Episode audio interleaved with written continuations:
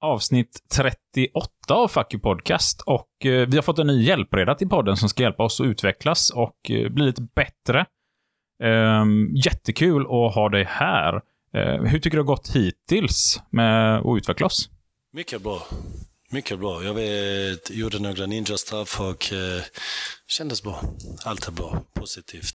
Ja, det var ju verkligen coola ninja-staff alltså. Det får jag hålla med om. Eh, vad är tanken med din stöttning här i podden? För min egen del, jag har inga, inga mål individuellt. Tvärtom, kollektivt. Jag ska hjälpa de här grabbarna bli bättre och, och göra det bättre. Det, är- det är mitt jobb nu. Det är verkligen jättefint att eh, du, du ställer upp med det och vi är tacksamma. Jag tror även lyssnarna kommer att vara det. Eh, Men idag blir det inte du som ska vara med någonting, utan det blir besök från Sveriges riksdag. Bra, bra. Och vi vet ju inte hur, om du kommer ha tid att vara med något mer i podden än idag egentligen, men, men du kommer sitta lite bredvid och sköta, sköta ljudet lite sådär idag. Eh, Och det är ingenting som du tycker blir ett bekymmer att det är jag då, Isak och Jim som kommer att sköta intervjun? Jag, jag har mitt rekord. Jag har gjort en del mål i livet. Kan jag hjälpa Isak göra hur mycket mål som helst, tror mig jag kommer hjälpa honom. Göra en ännu bättre. Jag kommer göra det. Jag är inte här, som jag sa, för några personliga mål, utan tvärtom. Det, jag är här bara för att hjälpa och visa dem vägen, vilken nivå det, det, det ska ligga på. It's a big fucking deal. What the fuck are we doing out here? I ask you, what in the fuck are we doing here? So what's the big fucking deal? What the fuck are we doing out here? I ask you, what in the fuck are we doing here? Du, du, du, du. Det var en liten fanfar. Vi har glömt fira vårt ettårsjubileum i podden, Ja. som eh, antagligen var för någon vecka sedan. ja, typ tre veckor sedan. Vad tänker du någon vecka sedan är då? Vad tänker du? Nej, en vecka sedan. En vecka sedan? Ja. Då är det en vecka Annars är det sedan. några veckor sedan. Annars, jag tycker man är så här. eh, Ja, det var någon vecka sedan det hände. Om det är en vecka sedan det hände, Mm. om man säger någon. Ja, det är mellan en till två skulle jag säga. Oj, jag tänker att det är mellan två till sex veckor. Oj. Ja. ja det förklarar ju varför vi, vi är sena med att berätta att vi har fyllt ett år. Ja, och när vi säger så här, men vi spelar in nästa avsnitt om någon vecka. Att är inte det om sex veckor. Ja, det här förklarar en hel del varför vi aldrig får upp våra möten. det gör det verkligen. Ettårsjubileet har vi missat, Det har vi gjort fint. men eh, nu har vi spelat in podden i över ett år. Mm. Enormt mycket har hänt. Den har växt jättemycket. Vi har blivit Sveriges största fackliga podd. På den tiden. Ja, det tror vi i alla fall. va? Trodde du att det skulle bli det? Det trodde jag absolut inte. Nej, det har gått fort trots coronarestriktioner. Vi har inte kunnat göra reklam någonstans för podden i princip. Så jättetack till alla er lyssnare som har hjälpt till att spridit podden. Eh, vi har ju, nu har vi ju lite affischer med. Vi har, en hel del har skickat bilder till oss att de har satt upp på sina arbetsplatser, affischer på podden. Och Det är tryckt riktigt ut skoj. Ja, det är jättekul. Vi eh, kan knappt tro våra ögon. Eller? Nej, det, det är riktigt skoj faktiskt.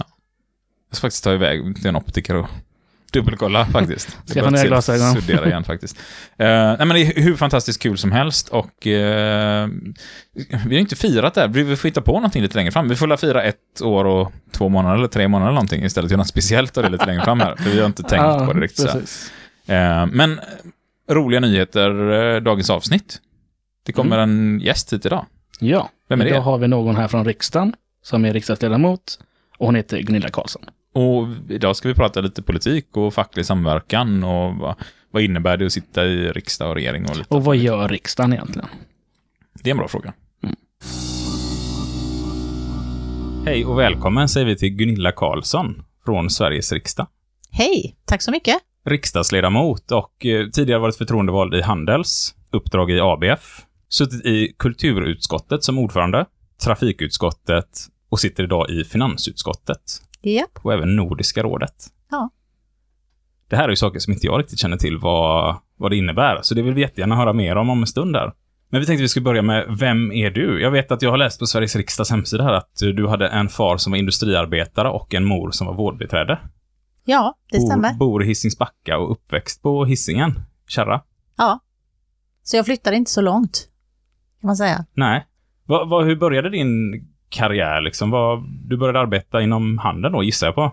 Ja, det gjorde jag. Eh, jag eh, jobbade faktiskt eh, redan som väldigt ung. Började sommarjobba på en, en ICA-affär i, i Kärra.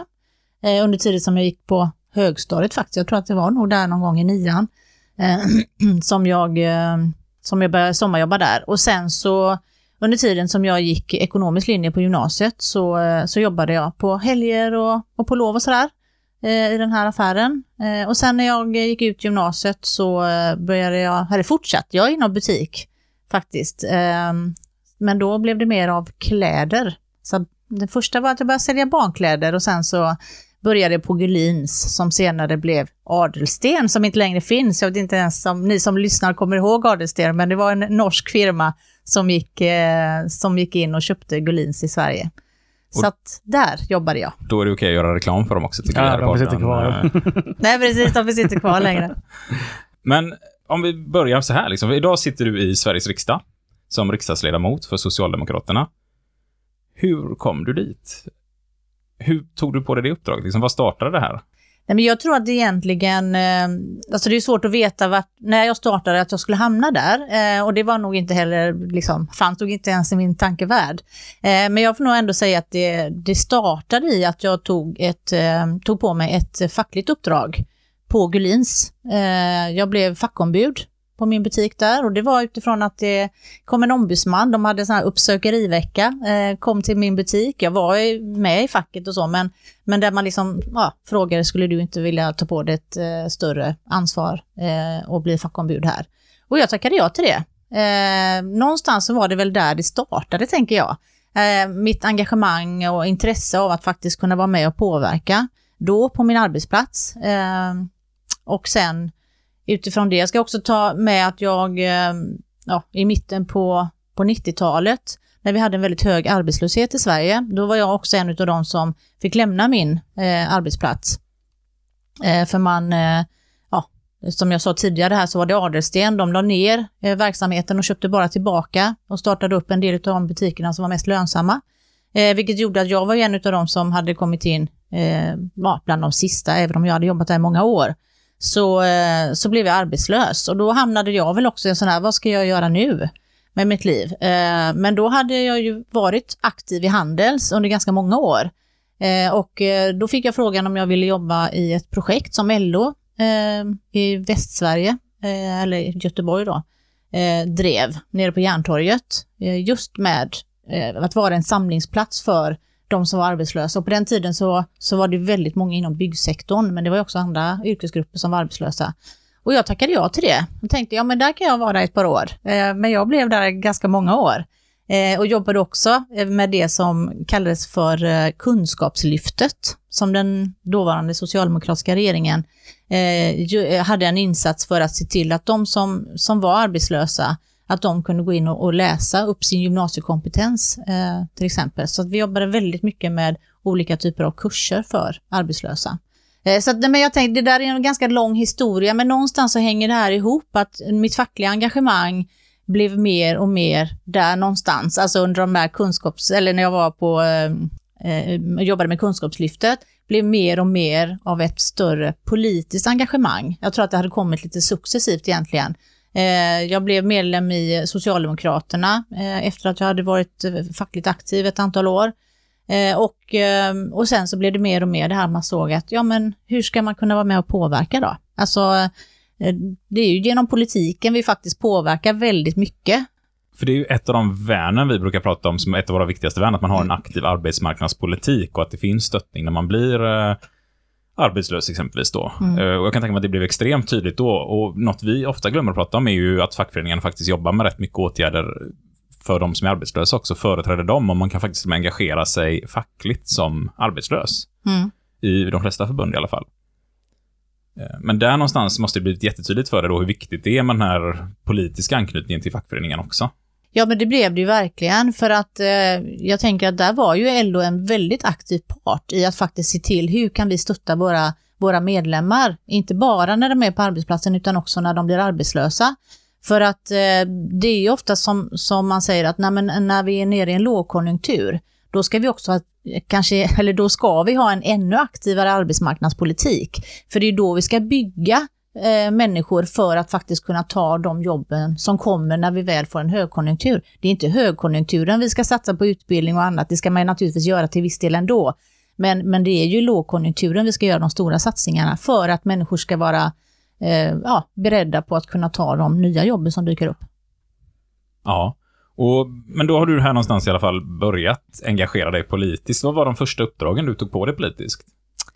Eh, det första uppdraget var nog, tror jag, nu är det så länge sedan, men att jag, jag satt i en stiftelse i Göteborgs stad.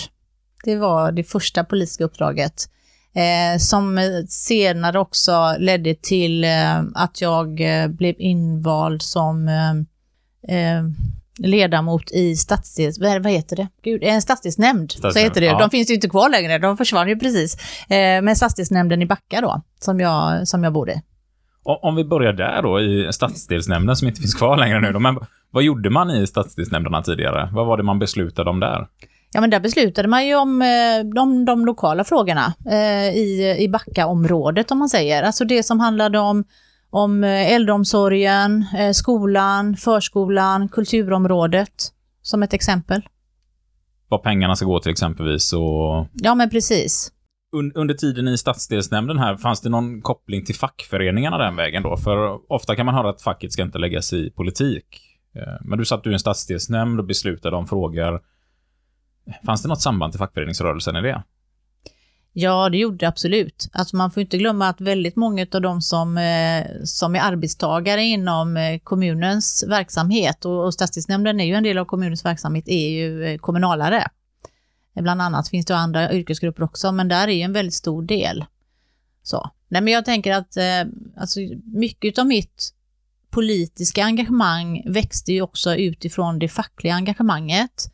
Eh, och för min del så har ju också den stöttningen ifrån, från mitt eget fackförbund har haft en helt avgörande del i att jag har hamnat där jag är idag. Eh, att det har funnits eh, ett stöd ifrån dem eh, och eh, en tro på att, eh, att jag skulle kunna axla de här eh, typen av uppdrag. Eh, och eh, fram till valet 2002, alltså den mandatperioden innan där, så eh, bestämde sig Handels, Kommunal och IF Metall att eh, göra en utbildningssatsning eh, riktat mot sina eh, kvinnliga medlemmar, eh, en grupp med kvinnliga medlemmar då, i, i en kurs som skulle sträcka sig, alltså jag tror att vi höll på ungefär tre års tid eh, och eh, med att gå en kurs som heter Tjejer i politiken. Och eh, deras tanke var ju klar och tydlig. Den var att de, de ville att vi skulle vara beredda, eh, men också känna oss liksom eh, fulla med kunskap eh, och för att kunna gå in och ta mer av politiska uppdrag. Och jag tror att det där hänger ihop lite där med facklig politisk samverkan, att man vet att man har fackligt aktiva medlemmar som också är med och påverkar i politiken, så har det faktiskt eh, avgörande betydelse vilket håll politiken tar, för att man har med sig den kunskapen in.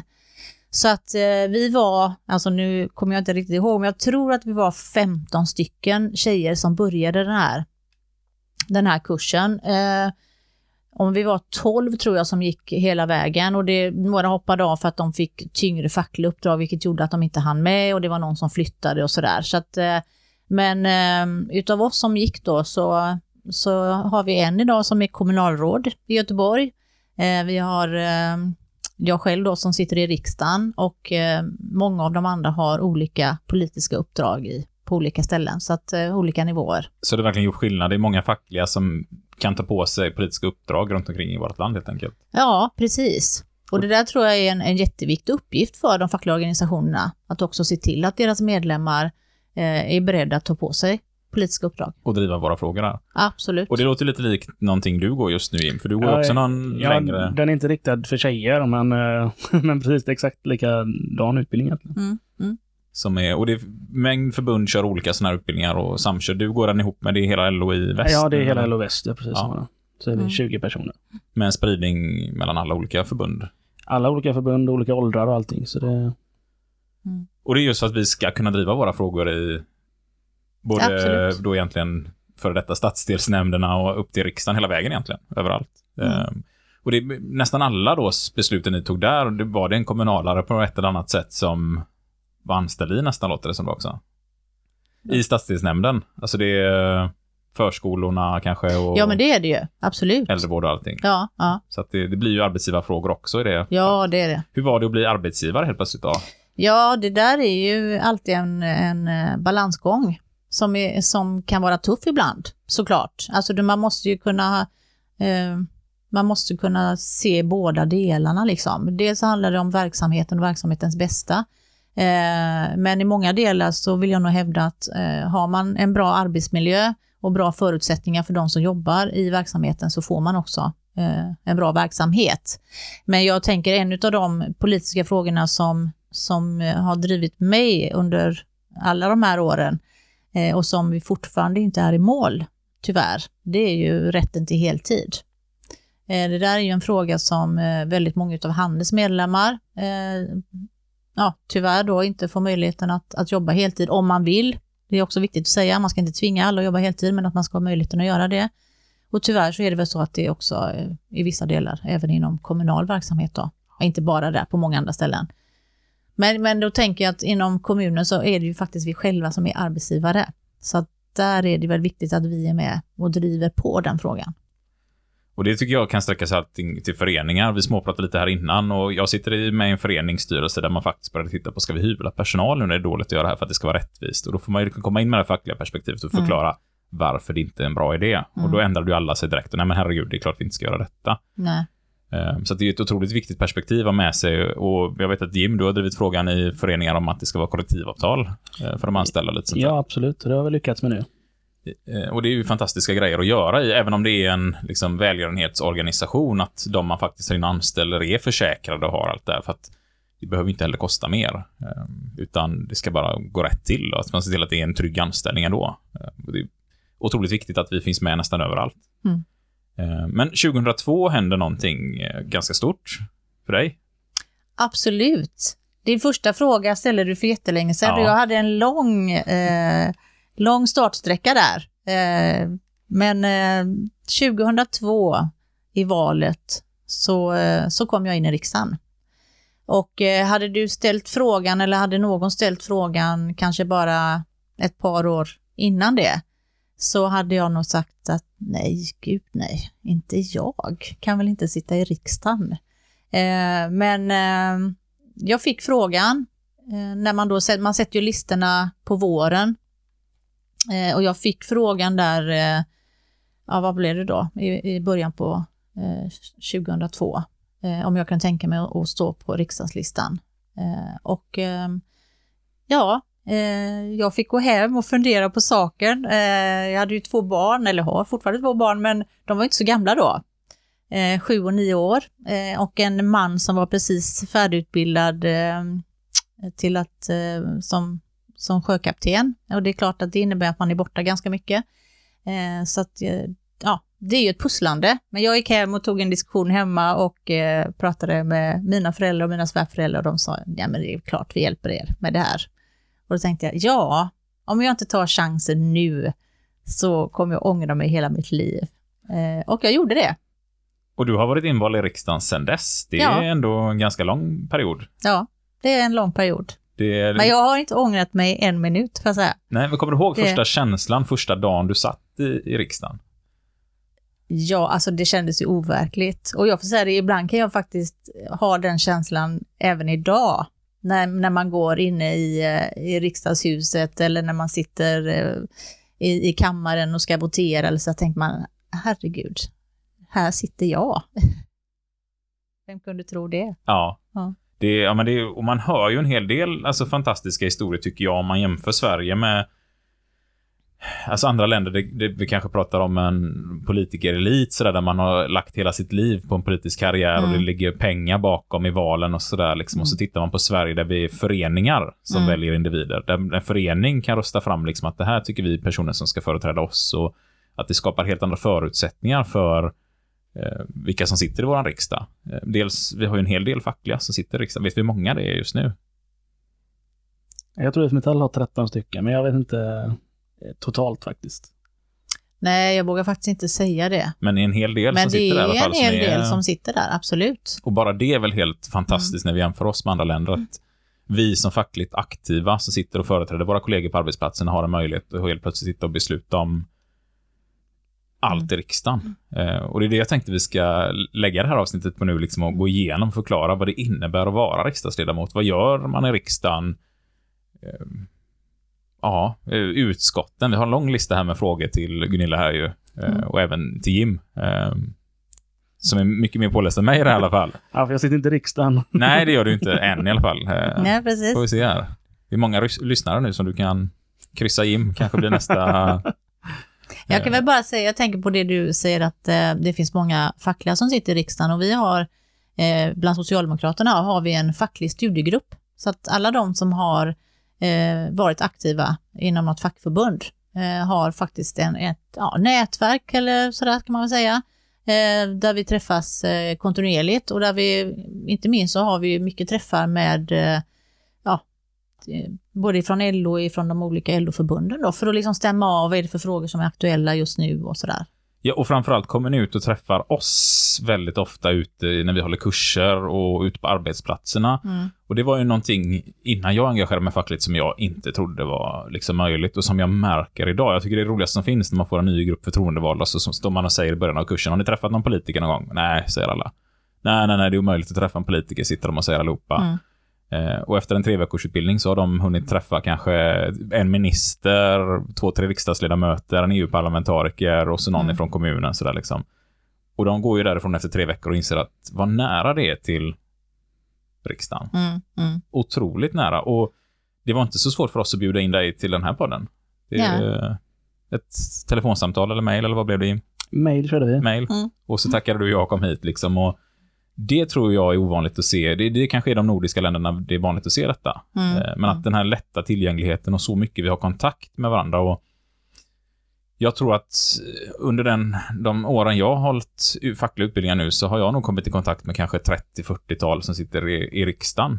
Eh, och två individer i EU-parlamentet. Liksom. Och det, det är nog svårt att hitta någon annanstans. Det tycker jag är helt fantastiskt med den här närheten. Eh, och det vill, vill vi också lite på i det här avsnittet få fram här att man går på möten och jobbar man någonstans, man kanske röstar på ett parti eller inte ens det, men hör av er till ett parti och liksom kan jag bara gå på ett möte för att se hur det är. Eh, Så kommer man märka hur lätt det är att komma i kontakt med er. Mm. Eh, Det, det är jag väldigt imponerad av i alla fall. Ja, det tror jag att vi, eh, jag talar nog för alla riksdagsledamöter, tror jag i alla fall, att man verkligen uppskattar det här att få möjligheten att komma och vara med eh, Eh, när ni har kurser till exempel. Alltså, för det handlar väldigt mycket om att dels för att vi ska kunna tala om hur det fungerar eller vilka frågor som ligger på bordet just nu, men det är ju minst lika viktigt att få det andra, från andra hållet, att vi får lyssna in, alltså hur, hur fungerar det på era arbetsplatser eller hur fungerar barnomsorgen kopplat till, till din arbetsplats eller kollektivtrafiken eller Alltså det finns ju mängder med frågor som, som vi som politiker gärna vill lyssna in. Och sen kan väl, jag kan vara tydlig här i alla fall, sen brukar vi bjuda in partier från, från eller folk från andra partier också. Mm. Men de brukar inte dyka upp i samma Nej. utsträckning kan man ju tveklöst säga i alla fall här. Då har de ju Eh, fått chansen i alla De fall. har fått chansen i alla Mm. fall. För det är också en sån fråga. Ja, men varför bjuder ni bara in sossar då? Och ibland vänsterpartister? Och så blir så här, vi har bjudit in alla. Mm. Men vissa väljer att komma. Tycker det här är viktigt, andra inte liksom. Mm. Eh, och det blir också mer och mer tydligt ju mer man engagerar sig fackligt tycker jag. Och ser vilka är det som vill åka ut på arbetsplatserna, vilka åker ut. Jag tänkte vi kan börja nu. Vad har man för möjlighet som riksdagsledamot att åka ut och träffa befolkningen? Börja med den frågan. Ja, men vi har ju hur mycket möjligheter som helst. Alltså, eh, det är klart att du har ju eh, vissa uppgifter som du måste vara med på. Eh, alltså du har ja, men utskottssammanträden och allt det där som är och voteringarna, alltså omröstningarna i riksdagen och sådär. Men sen så styr du ju ganska mycket utöver det, så styr du ju det själv.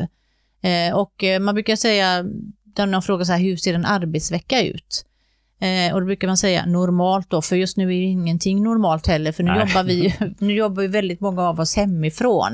Eh, men, eh, men annars så kan man säga att man är i Stockholm morgon, eller tisdag, onsdag, torsdag. Eh, och sen så kan det ju också bli att man är där måndagar och fredagar. Men, eh, men generellt så är det i alla fall alltid tisdag, onsdag, torsdag. Och det är för att vi har utskottssammanträden på tisdagar och på torsdagar. Och eh, vi har gruppmöten, alltså med hela den socialdemokratiska gruppen på tisdagar. Vi har eh, utskotten på onsdagar, vi har möten med departementen och sådär, ja men massa olika eh, aktiviteter. Eh, men måndagar och fredagar kanske är lite mer att du kan styra själv med att eh, till exempel eh, åka ut på ett arbetsplatsbesök eller att, du, eh, att man är med på någon kurs till exempel. Eh, skillnaden nu är ju att eh, väldigt mycket, eller allting är ju istället digitalt. Eh, det innebär ju inte att vi har mindre att göra utan eh, nu när alla har kommit igång med att ha både Zoom och Teams-möten och, och Skype-möten så, eh, så är det mycket utav Man hinner klämma, klämma in ett extra möte där. Ja, men precis. Man behöver liksom ingen tid för att ta sig till saker och ting, utan man sitter där hemma eh, och kan bara liksom ändra, ändra eh, ja, Zoom-länk. Ja, precis. Den stora skillnaden nu i riksdagen och från eh, tidigare när du satt och hade ett uppdrag inom kommunen. Hur var den i början, liksom, när du kom in i riksdagen? Vilka typer av frågor ändrades det då från att ha de här ganska nära frågorna till att helt plötsligt sitta i riksdagen? Mm. Ja, för nu är det ju med riksdags, riksdagsuppdraget så är det ju ett, vad ska man säga, ett mycket bredare perspektiv. Alltså det handlar om hela landet-perspektivet. Sitter man i en stadsdelsnämnd så blir det ju mera, då blir det kopplat till den stadsdelsnämnden eller det området. Eh, och tittar man i Göteborg till exempel så är ju en stadsdelsnämnd är ju ungefär lika stor som en, en medelstor kommun. Alltså så det, och det där tycker jag är viktigt att ha med sig. Eh, att väldigt många av våra kommuner runt om i landet är ju i den storleken. Liksom. Eh, men som riksdagsledamot så har du ju att du är med och, och stiftar lagar. Eh, du beslutar om, om hela budgeten. Eh, så att, eh, ja, det blir ett, ett mycket mera eh, hela landet-perspektiv, tänker jag. Hur sätter man sig in i allt sånt här? Liksom, är det möjligt? Blir man expert på allt eller kan Nej. man lite om mycket? Eller vad? Nej men det, alltså riksdagsuppdraget är ju också kopplat till att du, eh, du får ett, eh, ett utskott eh, som du placeras i. Eh, och eh, nu kan ju det här se olika ut i olika partier, så jag vet inte hur det fungerar. Men hos oss i alla fall, Socialdemokraterna, så är det när man kommer in i riksdagen så, så får du en önskelista kan man säga. Vilka utskott skulle du helst vilja sitta i? Eh, och så tror jag att man har ungefär fem som man ska välja på. Eh, och då blir det ju väldigt oftast kopplat till vilket intresseområde man har själv då. Eh, har man då en facklig bakgrund så är det ju inte sällan som man vill sitta i, eh, i arbetsmarknadsutskottet till exempel, eller näringsutskottet, eller socialförsäkringsutskottet. Alltså det är oftast kopplat till att det är de frågorna som man, ja, som man jobbar väldigt mycket med eh, i sitt fackliga uppdrag. Ja. Så, men, men eh, då får man göra den önskan och sen så när väl liksom hela när man har beslutat hur många mandat man har och hit och dit, eller när man ser det utifrån eh, omröstningen och så, så, eh, så gör man ju då placeringar ut i utskotten. Och då finns det en, eh, en grupp eh, i vårt parti som tittar på det. Eh, hur, ja, då ska det vara, helst ska det vara jämn könsfördelning och så ska det vara liksom i hela landet perspektivet och sådär, så man inte har bara göteborgare i ett och samma utskott eller från Västsverige i samma utskott och sådär som man försöker hitta.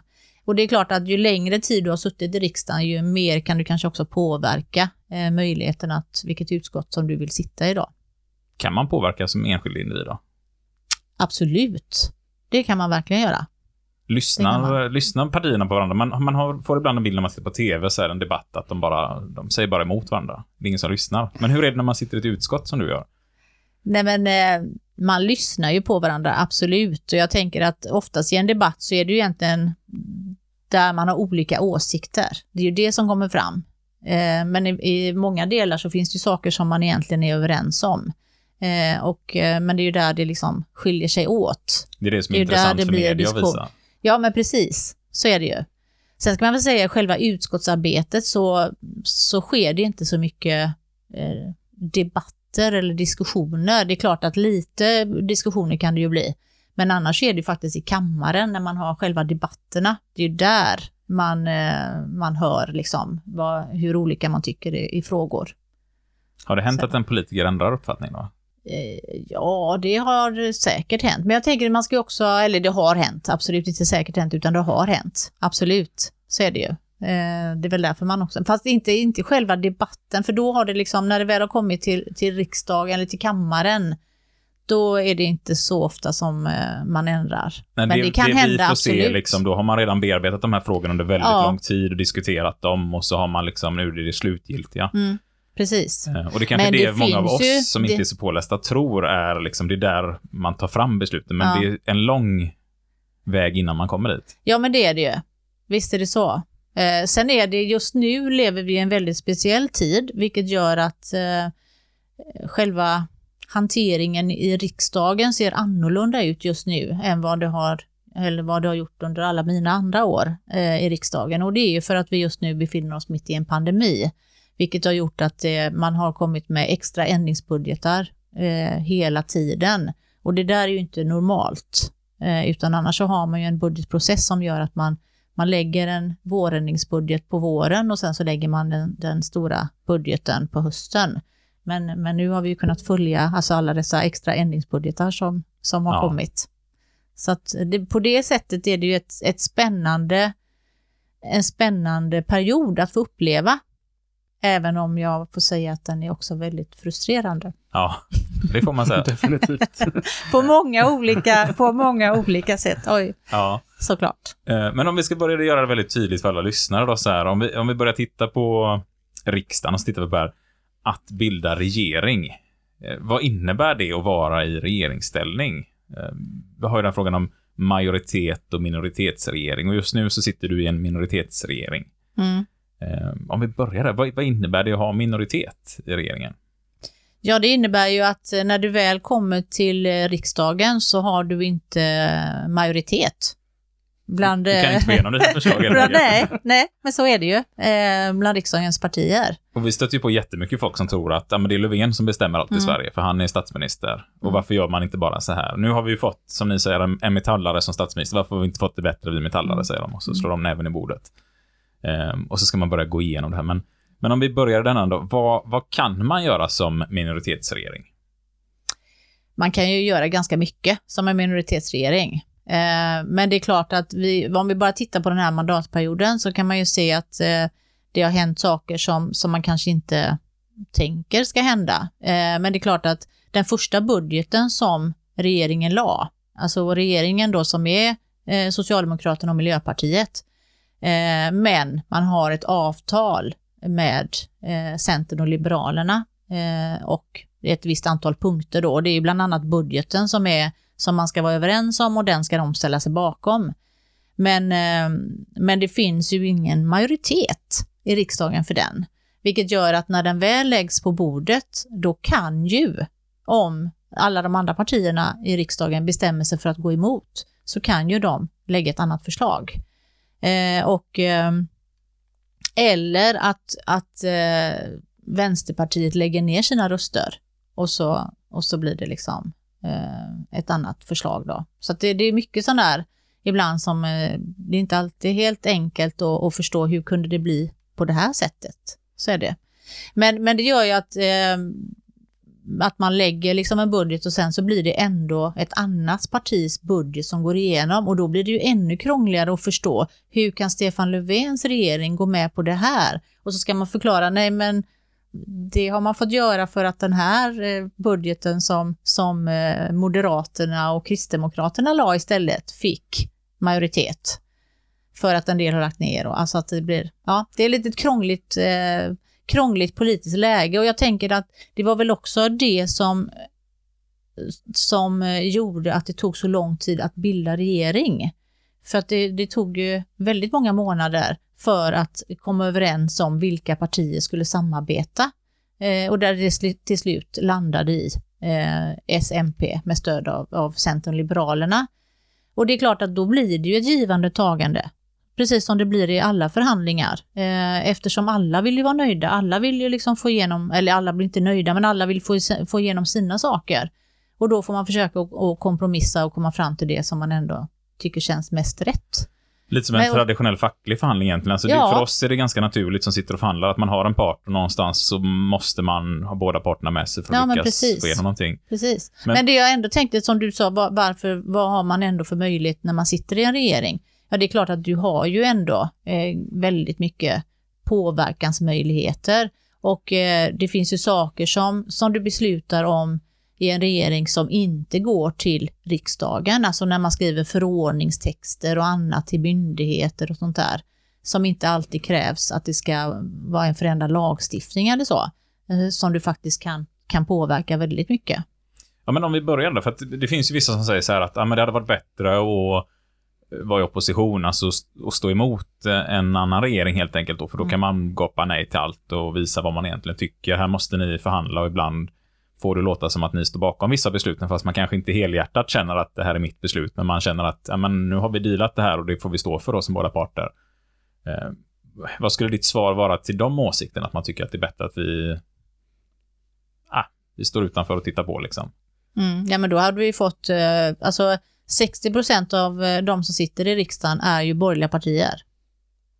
Och då tänker jag så här att, ja men har du då en borgerligt styrd regering och de lägger sina förslag till riksdagen, ja, då skulle de gå igenom i stora delar. Och det såg vi ju mellan 2006 och 2010 och 2010 till 2014 blev ju det övertydligt. Mm. Eh, Och jag har själv varit en sån här person som har känt att det är nog bättre att vi står i opposition för då kan vi peka på titta vad dåligt det blir nu. Mm. Nu får ni tänka om när ni röstar nästa gång. Eh, Men så är det inte så länge sedan det var så. Och ändå, ändå ser det ut som det gör liksom att eh, när folk går och röstar. Mm. Ja, men titta bara på, som du säger, under den perioden när man sänkte skatterna med 140 miljarder. Alltså vart, vart togs de pengarna ifrån? Ja, väldigt mycket av välfärdsområdet.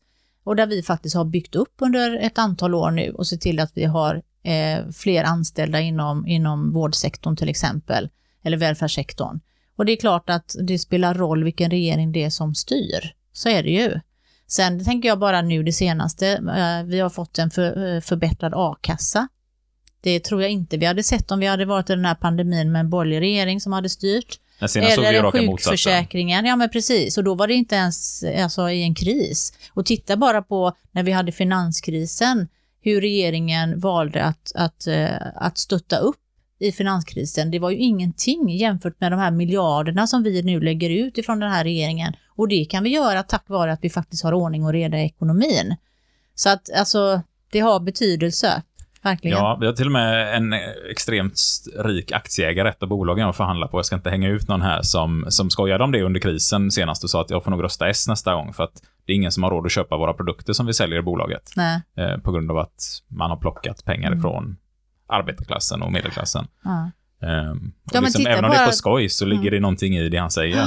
Ja, men titta bara på korttidspermitteringsstödet som har varit under det senaste året. Alltså det har ju möjliggjort att väldigt många av LOs medlemmar inte har behövt gå ut i arbetslöshet. Och det, där är vi verkligen inne på världen här med aktiv arbetsmarknadspolitik som vi går igenom så mycket, hur, hur viktigt det här blir. Bara för att lägga till det, IF Metall-arbetarna har ju lägre arbetslöshet, eh, alltså 2020 än vad det har varit alla år innan liksom. Ja, precis. Till och med när det inte varit krisår Ja, så har vi en lägre arbetslöshet mitt i coronaepidemin. För Mm. när det normalt sett har gått lite dåligt så har man skickat hem folk, men nu har man kanske faktiskt då kunnat till och med permitterat eh, mä- människor Mm. under det här. Eh, Så att det har ju verkligen fungerat, ser vi i våran sektor i alla fall. Mm. Utan tvekan så tycker jag att det är ett av de bästa politiska förslagen vi har sett. Mm. Eh, Men det kanske är svårt att se det när man står på sin arbetsplats själv som individ, om man inte är drabbad, liksom, och se att det här faktiskt gör skillnad, att vi lägger skattepengarna på rätt ställe. Mm. Eh, om vi tittar på andra sådana här saker då, som, som man faktiskt kan göra som minoritetsregering, är det viktigt att ha ministerposter eller statsministerposten? Vad, vad innebär det att ha en sån post, även om man är i minoritet? Ja, men det, det har ju jättestor betydelse. Eh, och eh, det är klart att för, för ministrarna kan ju också vara med och styra och påverka. Det är ju de som också driver fram vilka förslag som, eh, som senare ska tillbaka till riksdagen. Eller de gör ju inte det själva, de gör det naturligtvis ihop också med, med eh, utskotten. Eh, och oss som sitter i utskotten såklart, och ledamöterna. Så att, eh, men det är klart att det är de som lägger förslagen. Alla propositionerna kommer ju från regeringen till riksdagen för att vi ska behandla dem. Och det är klart att då har det betydelse vilken, vilken minister eh, och vilket parti det är som, som äger, eller vad man ska säga, är den som levererar propositionen. Och propositionen för lyssnarna, det är, vad ska vi förenklat säga, lagförslaget som kommer? Ja, det kan man säga. Förslaget som kommer ifrån, eh, ifrån regeringen till riksdagen och sen så, så bearbetar ju riksdagen eh, det förslaget. Så att det så kan det ju vara en, en budgetproposition, det är ju liksom den som, som läggs på hösten, det är ju en enorm stor produkt eh, med eh, eh den ekonomin eller de pengarna som ska ut till olika verksamheter runt om. Ja, där har man sett Magda komma med så här, jättetjocka böcker. Ja, men precis. eh, Så här, en halv meter hög för att det här Ja. är budgeten. Oj, det är ganska mycket att Ja, läsa igenom om man känner för det. Ja, det är inget man läser igenom på lunchrast sådär, utan det är gediget arbete. Ja, Eh, om, då är det Magdalena Andersson du pratar om. Ja, som är vår finansministern. finansminister. Ja. Ja. Eh, och det för oss lite in på det, för du sitter i finansutskottet. Mm. Vad, vad gör man i finansutskottet? Ja, det är ju framförallt finanserna eh, som, eh, som vi har ansvar för, både penning och eh, finanspolitiken som ligger inom vårt område kan man väl säga i stort då. Och det rör sig om lite pengar. Ja, det är en del pengar. Vet vi vad senaste Absolut. statsbudgeten landar på? Ja, det borde man ju kunna egentligen, men jag vågar inte säga det på rak arm. Har Jim koll? Lite över tusen miljarder skulle jag säga i alla fall. Senast jag kollade låg den på 998 eller något sånt där och det är ett Ja. par år sedan nu. Så att det, men det, det är väldigt mycket pengar i alla fall. Ja, ja. Eh, inget man sitter och räknar för hand. Sådär. Nej, På nej. fingrarna. Nej, precis. Eh, och det är någonting, det ska vi dra ett program om lite senare, där vi går igenom statsbudgeten. Tänker jag. Ja, det ska vi göra nog. Eh, och titta på vad, vad fan får vi för pengarna som Ja, det är Leif bra. Östling. ja, Leif Östling sa. Ja, ja, ja, nej, men att ja. titta på faktiskt det och kanske jämföra också med vår ekonomiska elit. Det brukar vi göra på våra utbildningar ibland faktiskt, där vi tittar på statsbudgeten, hur mycket pengar är det kontra hur mycket pengar sitter våra två rikaste familjer i Sverige på exempelvis. Och så inser man att ja, men våra tre rikaste familjer i Sverige sitter på mer pengar än hela statsbudgeten. Mm. Eh, och lite så här att jämföra. Eh, vad tar företag ut i vinster kontra vad betalar vi i skatt och sådär. Eh, men egentligen, det är lite sånt. Ja, och jag tänker där har man ju också, eh, där brukar man ju alltid från regeringens sida vid varje års när man lägger budgeten, så, så tittar man ju också på, alltså hur påverkar den här budgeten klyftorna kan man väl säga, alltså där man faktiskt med en socialdemokratisk regering kan se att de som, som tjänar allra minst faktiskt får en större del utav kakan kan man säga. Och, eh, det är väl, framförallt handlar det väl om eh, kvinnor inte minst eh, äldre kvinnor som har eh, haft låga pensioner till exempel. Det är ett exempel, men jag menar att man faktiskt ser till att man, att man ändrar det här så att det, det blir eh, mindre Mindre klyftor. klyftor. Ja, men precis. Men sen är det precis som du säger, väldigt mycket är också andra frågor som hänger ihop med det. För att det är klart att när du får en, en lägre beskattning till exempel eller eh, en eh, ökad eh, värdestigning så, så, så får du ju skillnader. Jag menar nu ser vi att inte minst den som äger en bostad eh, blir ju med det också allt rikare jämfört med om man inte gör det. Ja, men absolut. Så det är ju väldigt mycket som påverkar. Det är ju inte bara hur man, hur man väljer att eh, fördela budgeten. Men det är klart att det är viktigt att se till att man också fördelar budgeten till, till de som behöver det mest. Och, och även alla andra möjligheter till avdrag eller bidrag Ja, man kan få. Alltså, Ja. Vi pratar, eh, nu håller jag på att säga fas 3, men det var inte det jag tänkte på, utan eh, RUT och ROT och Mm. allt det här också. Mm. Eh, RUT och ROT, är det frågor för finansutskottet eller ligger det någon annanstans? Ja, det ligger ju, eh, det är ju en skattefråga egentligen. Så den ligger väl med på skatteutskottet. Men sen ligger den väl hos oss, för det är ju vi som, alltså pengarna blir ju, eh, eh, eftersom du får en, en, vad ska man säga, en minskad skatteintäkt eftersom du betalar mindre i skatt. Så det Så blir det upp hänger till er att liksom ihop det så. Ja, men precis. Så det hänger ihop sådär. Och det är många av de här utskotten går in i varannat, om jag har förstått det hela rätt. Ja, men jag tänker, jag har ju tidigare också under ganska många år suttit i kulturutskottet eh, och en, en period i trafikutskottet. Men det är klart att hela budgeten för kulturutskottet är ju ändå någonting som, som diskuteras liksom, ja, nu sitter ju inte vi och diskuterar det i finansutskottet, men i, i man ska säga så här att kulturdepartementet har ju en dialog med finansdepartementet med hur, hur mycket resurser ska man få till kulturområdet till exempel. Sen så klubbar man ju hela budgeten i, i, sitt, i, i sig då. Mm. Eh, och sen så är det varje enskilt utskott som har debatterna, så att kulturutskottet har ju sin debatt om kulturområdet. En sån spännande fråga som jag är, hur går det till när ni ska rösta i riksdagen sen då? Det kommer en proposition och det går upp i riksdagen och hur går det till? Eh, först så är det ju så att eh, propositionen kommer till utskotten och utskotten behandlar de här och skriver ett betänkande. Och det är betänkandet som, som sedan ska beslutas om i riksdagens kammare. Eh, och då får ju det utskottet som har frågorna eh, ta debatten. Och då eh, ja, går man ju oftast upp en ifrån varje parti och eh, talar om eh, man står i frågan. Och eh, vi då eh, som eh, partis företrädare kan man säga, vi eh, yrkar då bifall till betänkandet och sen så går de andra upp och pratar för sina reservationer som de har då. De lägger ju in andra förslag då som de tycker. Eh, och så säger de att de ställer sig bakom sina reservationer då.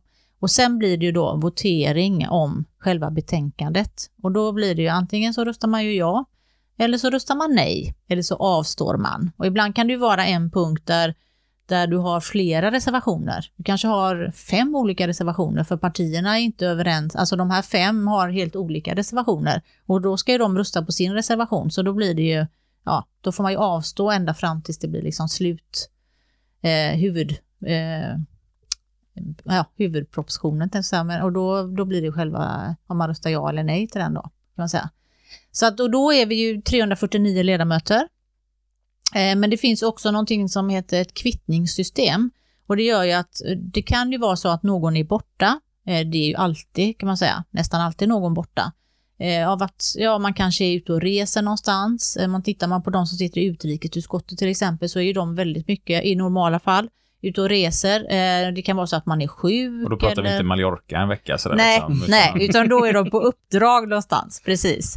Eh, eller att man, eh, att man är sjuk eller att ja, av någon anledning, det finns liksom ett system för när man också får lov att vara borta om man säger. Och då har vi kvittningspersoner. Så om jag vill säga att jag är sjuk, då måste jag ringa och säga så att jag är sjuk idag så jag kan inte vara med på voteringen.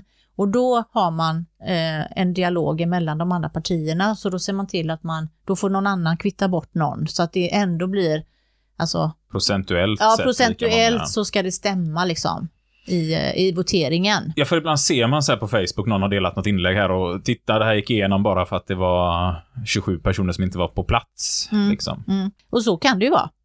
Alltså det, det kan ju vara så att man eh, inte, eh, alltså att man inte har haft full koll på kvittningssystemet. Så att, eh, och då kan det ju bli så. Eller att någon har röstat fel. Det där är ju också, det händer ju faktiskt Ja. att någon röstar fel. Och det går inte att säga, alltså du kan ju anmäla efteråt och säga att jag röstade fel. Då noteras det.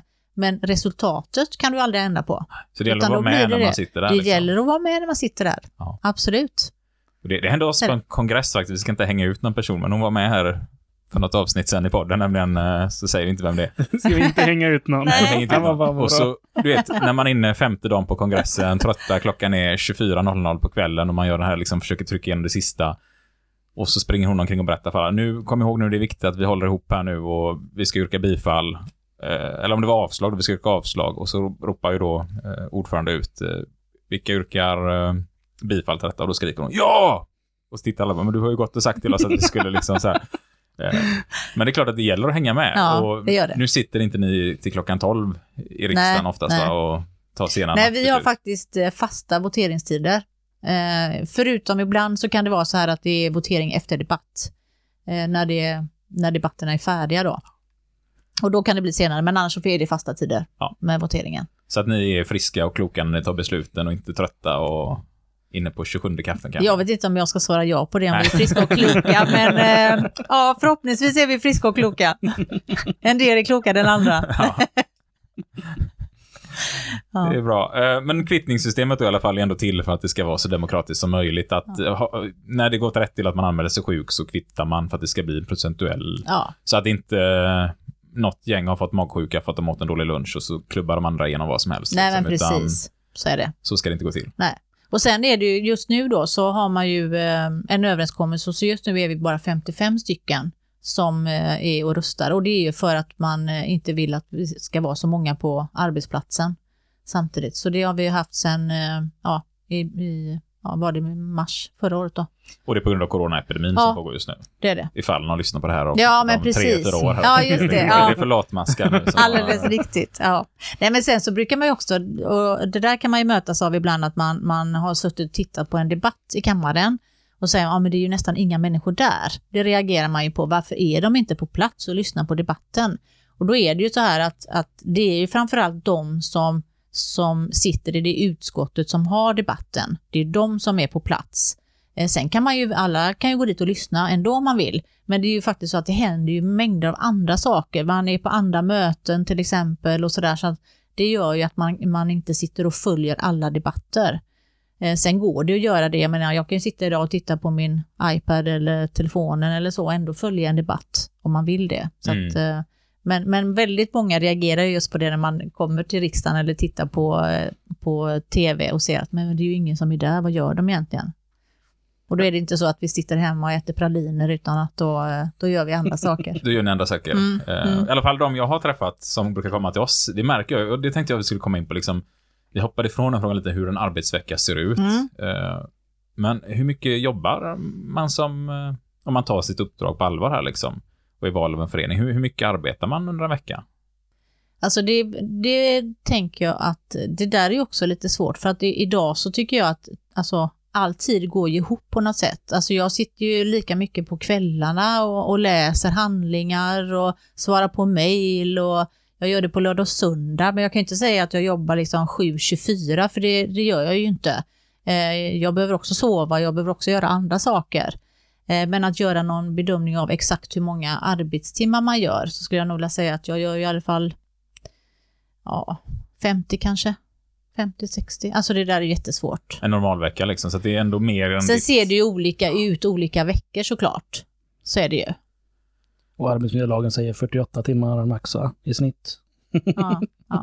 Så, nu var kanske inte det syfte vi skulle hänga ut Nej, eh, som var det inte dålig det? arbetsgivare här. Nej, Men, nej, men det där nej, men är det, ju det är ändå mer än bara det här man kanske ser i tv och Ja, man hör att ni är där tre dagar i veckan bara, så tror folk att då är man ledig resten. Liksom. Men det Absolut. handlar lite om att det finns givetvis politiker som kanske passar på att ledig resten av dagen också. Men eh, min bild i alla fall av ni som är valda av föreningar runt omkring i landet, speciellt när man är vald av en facklig förening i grund och botten, så tar man det på största allvar och verkligen ut och besöker arbetsplatser och föreningar runt omkring i landet. Och jag vet någon gång när vi var nere i Bryssel, då fick Olle Ludvigsson ställa upp och åka med oss på massa kvällsmöten varje dag när han satt som Mm. våran Europaparlamentariker och fick möta upp oss på hotellet sent på nätterna och sådär liksom och med på alla möten. Mm, eh, mm. Och där ser man ju det här liksom att man eh, ändå passar på och, och träffa så mycket folk som möjligt för att kunna företräda dem man är vald av. Mm, mm.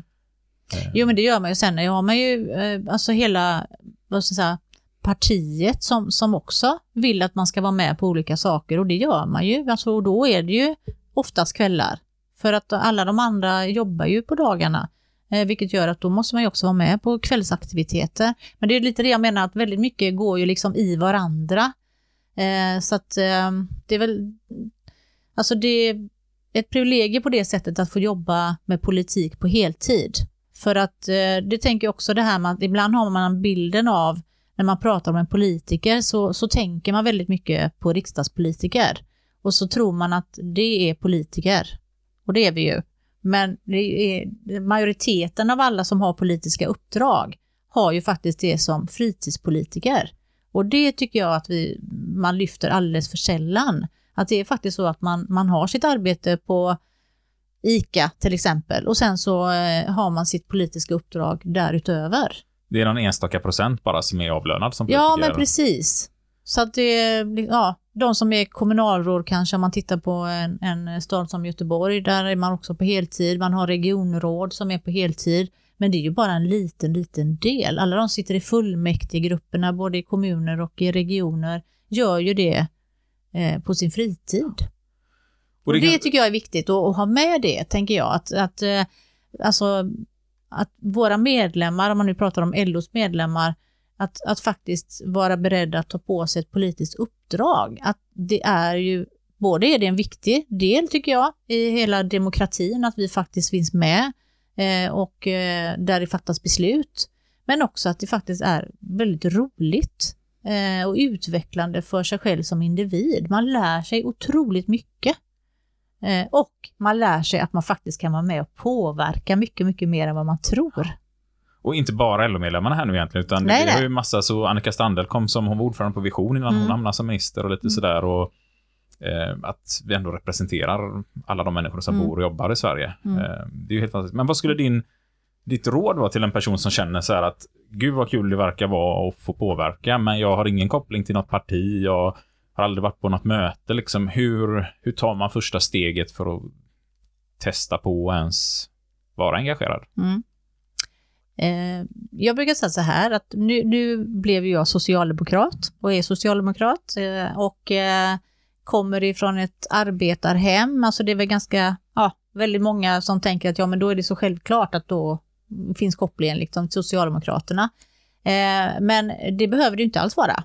Eh, man kan ju komma med en helt annan bakgrund, men bara känna så här, ja men jag tror på den idén som Socialdemokraterna står för, eller något annat parti. Men jag tänker om man bara är lite nyfiken, för att många tycker, tänker så här ja men jag tycker inte likadant som dem i allt.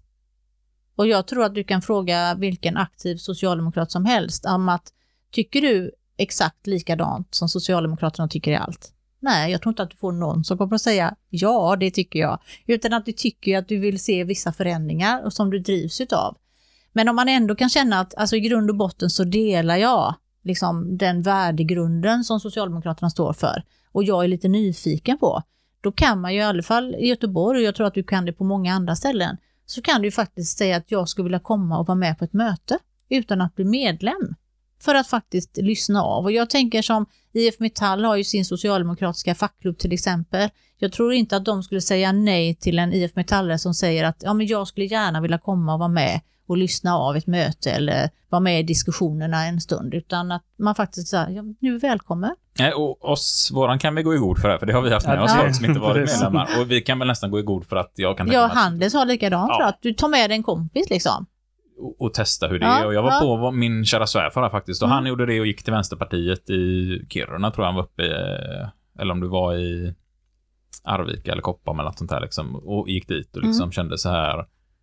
Vad kul att bara få gå dit och se vad det är. Mm. Eh, man vet kanske inte alls hur det funkar och blir liksom chockad att herregud, varför har inte jag gjort det här innan? Mm. För liksom, vilken påverkansmöjlighet det finns faktiskt och få höra hur hela tanken går. Mm.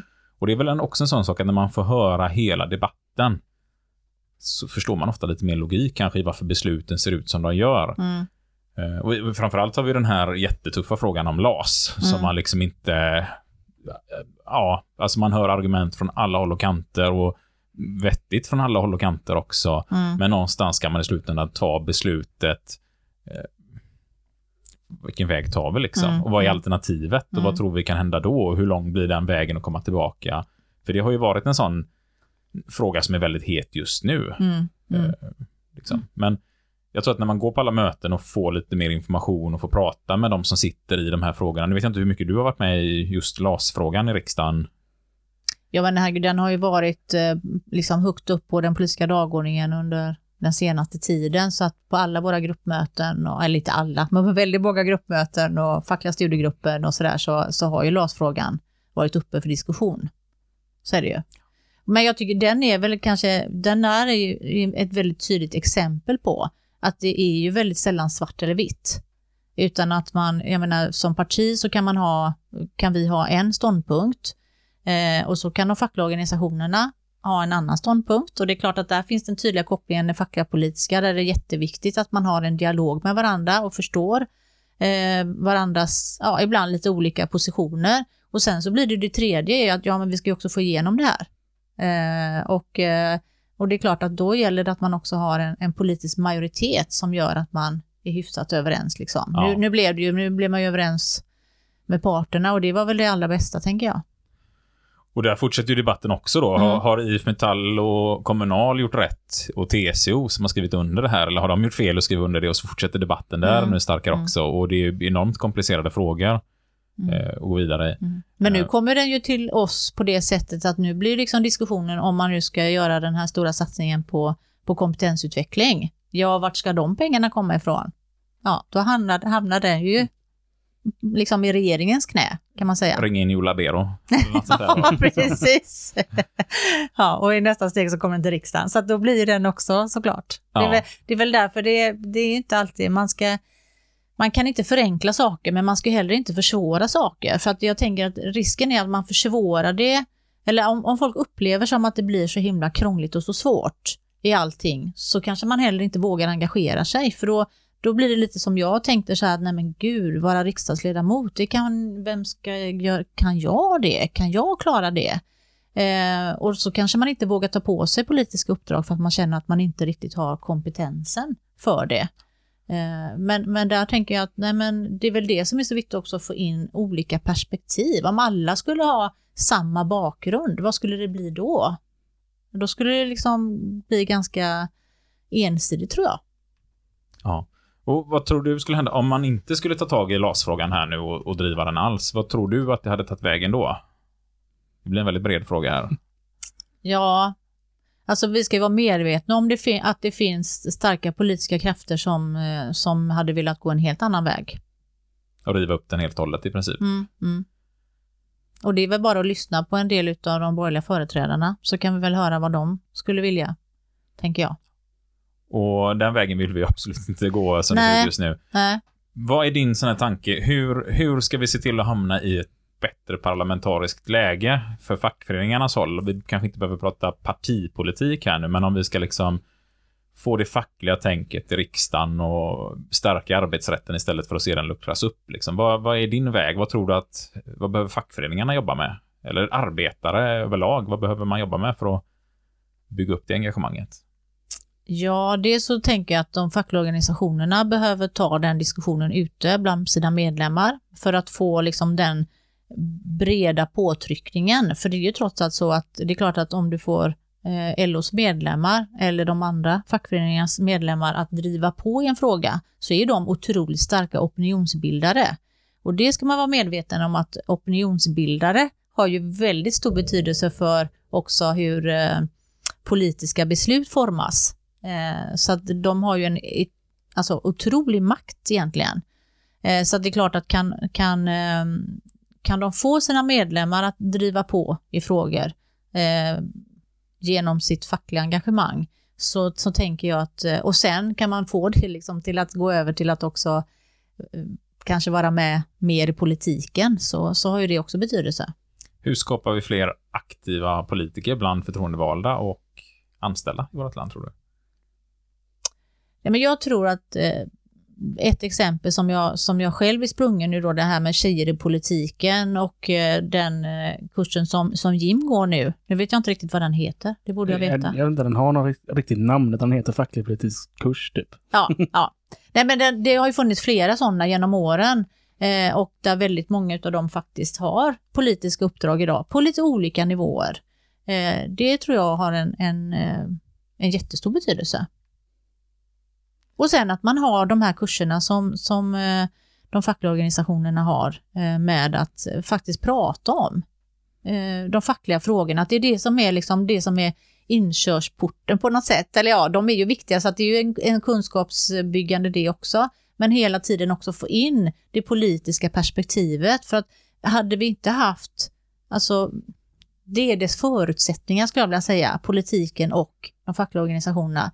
För vilka, om du skulle få en politisk majoritet som inte tycker att fackföreningsrörelsen ska ha den makten de har idag, så, så, eh, så kan du faktiskt, det, det tänker jag ibland att folk inte är riktigt medvetna om, hur lätt man faktiskt kan göra liksom, bocka av styrkan hos de fackliga organisationerna. Och det, och det finns det ju liksom eh, historiska Ja, bevis gud, på att det är man ju har inte gjort. så länge sedan heller, tänker jag. Alltså det är bara genom att man försämrar, eh, man höjer avgifterna och man försämrar eh, a-kassan till exempel och man ja, börjar Ja. fundera på, är det någon idé att jag är med i den här organisationen eller föreningen längre? Ja, men dels det försvagar, och det är precis som du är inne på, nu tog vi tidiga exempel i Sverige, Mm. eh, men vi kan även se liksom Ungern, Polen, Mm. eh, vi Ja, kan ja. åka över till Latinamerika och se Chile exempelvis, hur man har krossat fackliga organisationer helt och hållet Mm. bara över ett par få år Mm. eh, och skrämma upp så att ingen vågar engagera sig. Och så ser man ju politiska förslag som kommer så att man förstår ju att det är, inte- det är, inte- lätt att sitta och ha de här förhandlingarna uppe i riksdagen när det är partier idag som Sverigedemokraterna som Mm. vill ta bort skyddsombuden helt och hållet i princip men från arbetsplatserna. Mm. Och så ser man att det blir ett samarbete mellan KD, M och SD nu, så, så Mm. kommer det ju definitivt att komma förslag om att skyddsombuden ska bort. Mm. Mm. Eh, och när de rättigheterna försvinner så Mm. kommer det ju bli otroligt tufft för mig att kunna driva en klubb på min arbetsplats. För jag förlitar mig väldigt mycket till arbetsmiljön och alla de rättigheterna vi har via skyddet. Eh, och tar man då dessutom bort studieledighetsmöjligheterna som Alliansen la förslag om 2009 Nio skulle jag tro. tror jag också. Mm.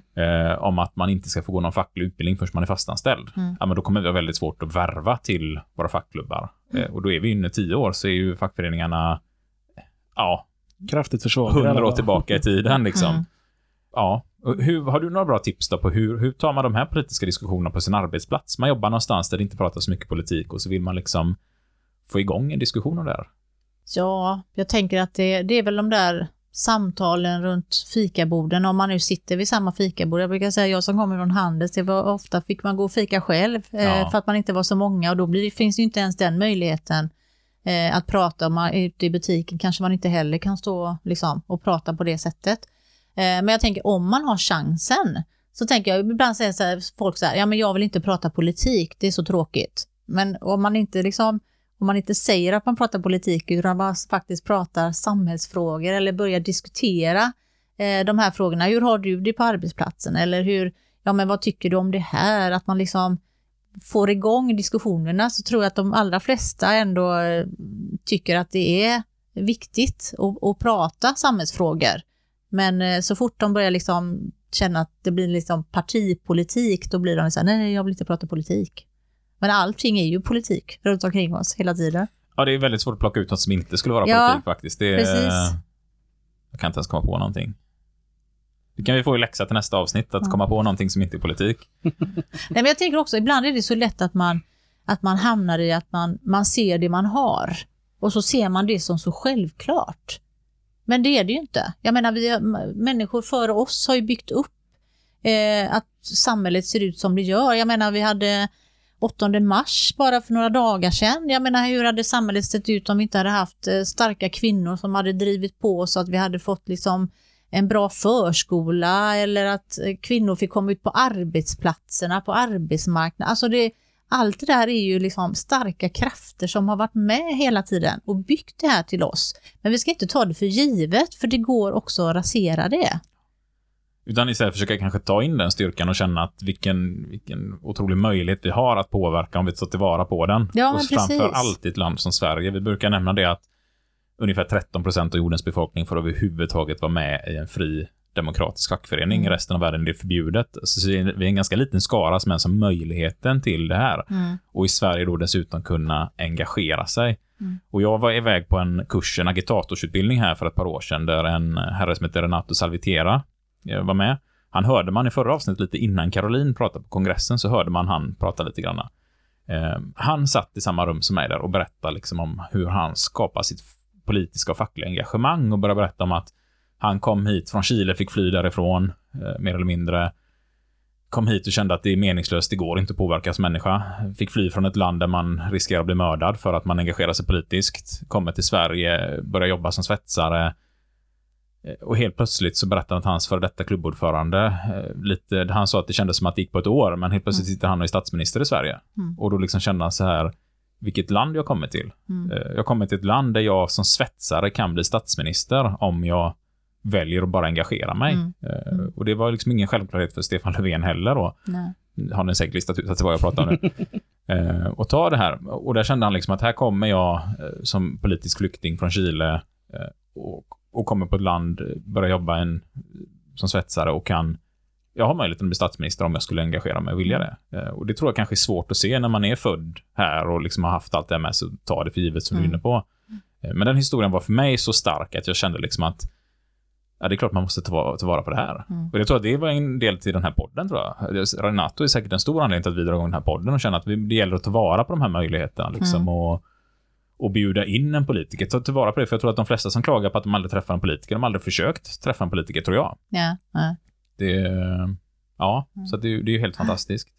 Nej, men sen tänker jag det här när, som du säger att eh, en svetsare som kan bli statsminister, att det kan, säger du att det där är ju stort liksom och det tycker jag också, det tror vi delar det.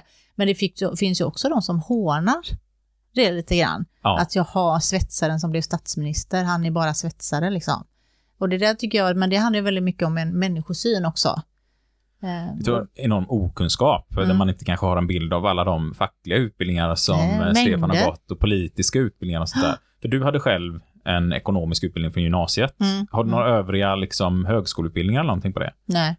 Ändå sitter du i ett finansutskott. Mm. Ja. Men, men Precis. vi har kommit ganska långt i intervjun, men Ja. bara det hade varit intressant att höra. Vad har du fått för utbildning för att kunna sitta där du gör idag, för att kunna ta kloka beslut?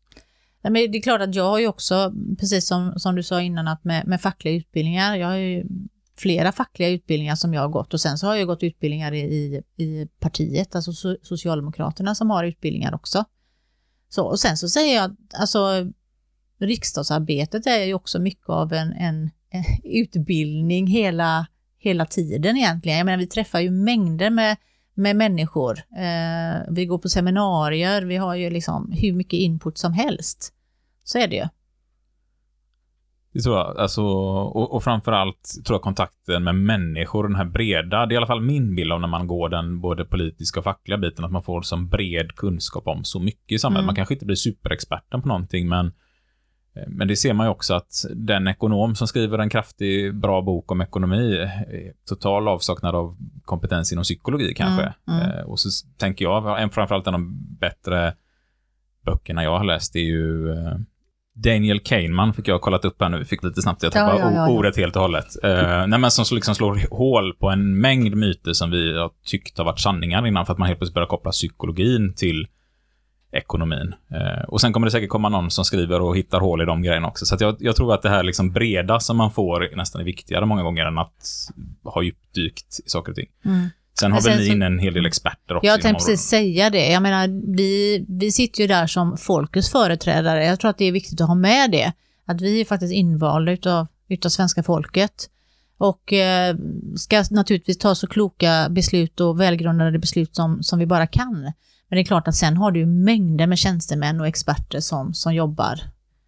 Så att, eh, jag menar, det är bara att titta på de olika departementen till exempel. Men det innebär ju inte att allting som kommer därifrån är det som vi känner att, att det är det som är det rätta, utan vi kanske också kommer med lite andra perspektiv in. Och det är väl också viktigt att ha med sig. Ja. Det, jag tycker vi har fått en riktigt bra genomgång här på Skönt att riksdagen. avsluta med folkets företrädare också tycker jag. Ja, visst var det. Det låter Ja, fint. det, Ja. man glömmer det ibland och man glömmer att det här är faktiskt individer vi har valt. Ja. Eh, Men jag tänker en sak som, som, vi, som jag kom på nu faktiskt, att vi inte har pratat om, och det är ju, alltså en del av riksdagsarbetet är ju att vi också kan, kan lägga motioner till exempel. Eh, och det är ju inte sällan att de eh, idéerna eller tankarna i motionerna är sånt som vi också har mött utav medborgare som lyfter fram en problematik som de, som de upplever eller någon fråga som de tycker att det där borde man faktiskt göra förändring, eh, förändring på. Och eh, där man kan känna, ja men om man kan ställa upp på det, så, för det är ändå jag som lägger i mitt namn, liksom, att jag kan lägga ett, en motion till riksdagen för att lyfta in en fråga. Men jag kan ju också ställa interpellationer, eh, alltså interpellationer är ju att ställa en fråga till en minister för att få tillbaka ett svar och få en debatt i kammaren. Och jag kan också vid frågestunder till ministrar och till statsministern eh, ställa frågor. Och där de faktiskt eh, ja, får ställa sig i kammaren och, och svara på de här frågorna. Ja, det har vi inte varit inne på. Nej, vi har inte liksom- varit inne på det, men det där tycker jag också är en viktig del att faktiskt, eh, många gånger så är det ju faktiskt eh, frågeställningar som man kanske får ifrån medborgare där man har med dem. Sen är det så att det är skillnad om man sitter Alltså i, i dagsläget då när vi har en socialdemokratisk regering så det är klart att för mig är det egentligen lättare att eh, höra av mig till ministern eller till statssekreteraren själv istället för att ta den där eh, interpellationen i kammaren. Men som opposition så är ju det ett jätteviktigt verktyg att göra det. För det är lite också riksdagens uppdrag att man ska bevaka att regeringen sköter sitt uppdrag. Liksom. Ja. Lite som en jätterevisorsfunktion Ja, men det är det ju. säga. Absolut. Absolut. Så där har man ju insett hur viktigt det är med revisorer. Det pratar vi om här, att det är ibland på klubbmöten och sånt så är det svårt att hitta en revisor, men det är ett otroligt viktigt uppdrag Ja, att se till ja. att eh, de som sitter i en styrelse liksom sköter sig. Och här Mm. blir det ju då regeringen man ska bevaka så att Ja, de men precis. sköter sig. Mm. Ehm, jag, jag tänkte vi ska avsluta med en sån här eh, framtidsfråga till. Mm. Om du får välja ut ett område att arbeta med där du känner att det vill jag liksom engagera och stärka och så här, vad skulle det vara för någonting och vad skulle du vilja hitta på där? För att göra vårt land ännu härligare. Och just nu så känner jag att eh, alltså att bygga upp en, en riktigt, riktigt bra äldreomsorg. Det känner jag. Eh, att eh, där finns så otroligt mycket mer som vi skulle behöva göra och, och eh, det har ju också blivit så tydligt nu i den här perioden om att eh, både vad det gäller arbetsvillkoren och eh, ja, situationen för många äldre. Nu ska man säga så att väldigt många har det ju otroligt bra. Eh, och eh, personalen är fantastiska. Men jag skulle vilja att vi faktiskt lägger ner ännu mer, både vad det gäller arbetsmiljön för de som arbetar inom äldreomsorgen, att vi höjer statusen på, på yrket, eh, yrkesgruppen och att man kanske också kan titta på en, en bredd av vilka är det som ska finnas runt våra äldre. Att man ska känna att, eh, ja, man ska inte känna en, en eh, oro över att bli äldre i Sverige. Vilket jag tror att en del gör. Sen vet jag att många äldre har det fantastiskt på sina äldreboenden. Eller att de bor kvar i hemmet och har en väldigt bra eh, hemtjänst och sådär. Men, men det är ett område som jag verkligen skulle vilja liksom höja kvaliteten både för de som, som, eh, som bor där och de som arbetar framför allt. Men då tycker jag vi avslutar. Det låter trevligt tycker jag. Det låter väldigt Eh, fint. Så vill vi tacka dig så hemskt mycket för att du kom hit. Tack för att jag fick komma hit, det var Vi jättekul. lär säkert höra av dig igen. Ni är välkomna när ni vill. Tack så jättemycket. Mm, tack. Jättestort tack till Gnilla som var här. Ja, Ett helt fantastiskt stort tack alltså. Ja. Och var det, så, var det så lätt och fint som det lät under programmet? Det var eh, jätte... Ja, det var det faktiskt. Ta vara på det, ni ute i era föreningar runt omkring i landet. Alltså kontakta politiker, bjud in politiker och låt dem komma och prata om saker och ting och se till att ni pratar med dem. Knyt inte näven bara i, näven i fickan och klaga på saker och ting, utan eh, ni kommer märka att det är lättare än man tror faktiskt att få kontakt med politiker och påverkansmöjlighet. Ehm, jag tycker det är helt fantastiskt. Sebastian brukar ju dra en sån historia ibland om eh, industriområdet han jobbar i som hade såna horribla vägar med stora hål och grejer. Och alla företag klagar på det. Våra varor går sönder vid transport och grejer. Och så skrev ju Sebastian ett brev från verkstadsklubben till Mm. trafiknämnden liksom. Och går typ en vecka så kommer det ut åtta politiker och tittar på vägen och bara, men det här får vi fixa. Varför har ingen sagt något innan, kände Sebastian då liksom. Då har bara alla, alla i hela området, det jobbar ju Ett jättestort hundra, initiativ. Ah. över hundratusen jobbar i det här området liksom. Så, så här, ingen har kontaktat någon liksom. Då förväntar de sig att, ja men någon politiker sitter väl säkert i bilen och åker förbi här som sitter i trafiknämnden liksom. Det är ju inte säkert.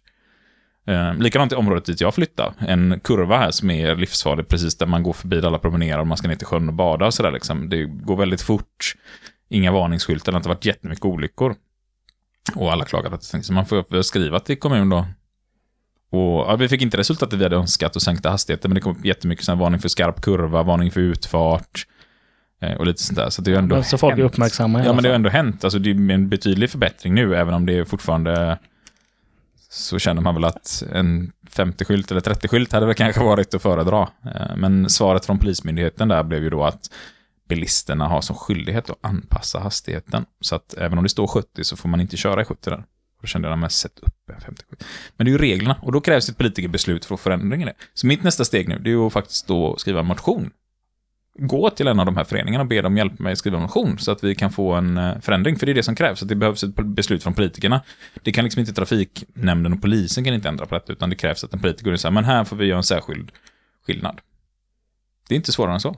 Nej. Och då kommer det säkert gå igenom. Det handlar bara om att ta sig tiden att göra det. Och det kanske är svårt om man inte känner till vart man ska vända.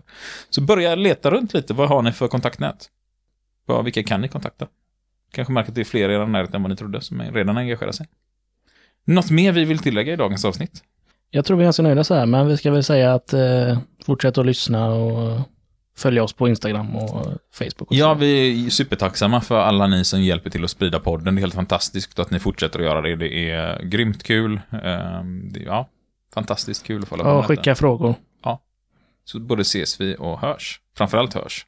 Ja, det gör vi. Ha det gött. Ha det. Hej då. It's a big fucking deal. What the fuck are we doing out here? I ask you, what in the fuck are we doing?